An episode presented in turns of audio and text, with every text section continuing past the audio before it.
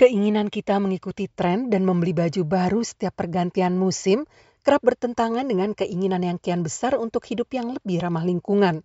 Industri fashion adalah konsumen air terbesar kedua dan bertanggung jawab atas 8 hingga 10 persen emisi karbon global.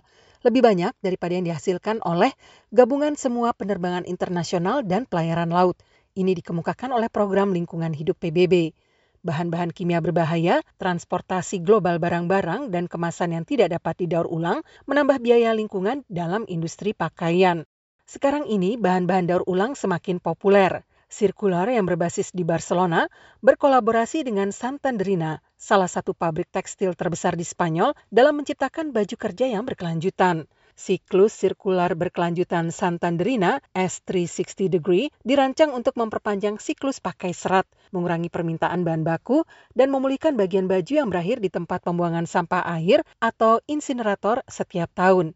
Luis Ribo, salah seorang pendiri sirkular, mengatakan sekarang sudah waktunya untuk berpikir berbeda mengenai tekstil.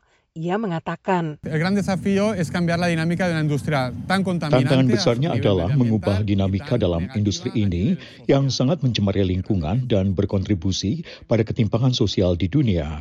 Saat mungkin kita mencapai itu, mitra-mitra kami yang memproduksi tekstil berkelanjutan adalah contoh jelas bahwa perubahan itu mungkin terjadi. Tetapi tantangan yang kita hadapi sangat besar. Industri tekstil telah membuat kita terbiasa memperoleh semuanya dengan cepat dan dengan harga sangat murah. Santan Mandarina adalah salah satu perusahaan tekstil Spanyol pertama yang merangkul ide ramah lingkungan. Empat tahun silam mereka memulai skema di mana mereka menerima baju lama yang dicabik-cabik dan kemudian didaur ulang. Mereka telah memproduksi katun dan polyester daur ulang selama satu dekade lebih. Sekarang ini, sepertiga produksi mereka adalah bahan daur ulang atau dibuat dari bahan organik. Sirkular juga bermitra dengan Rory Foundation, LSM lokal yang mempekerjakan perempuan korban KDRT dan perdagangan manusia.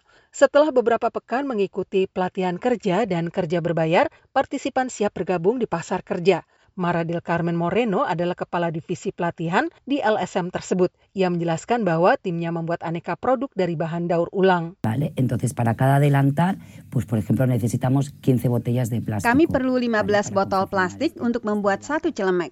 Kami juga membuat seragam untuk staf dapur. Dan begitu baju itu didaur ulang lagi, kami menggunakan hasilnya untuk membuat produk lain seperti tas belanja. Campanile adalah bagian dari jaringan hotel di berbagai penjuru Eropa. Mereka adalah satu dari 27 klien sirkular. Hotel ini memiliki 27 pegawai dan baru-baru ini mulai menggunakan seragam yang sepenuhnya dibuat dari bahan daur ulang.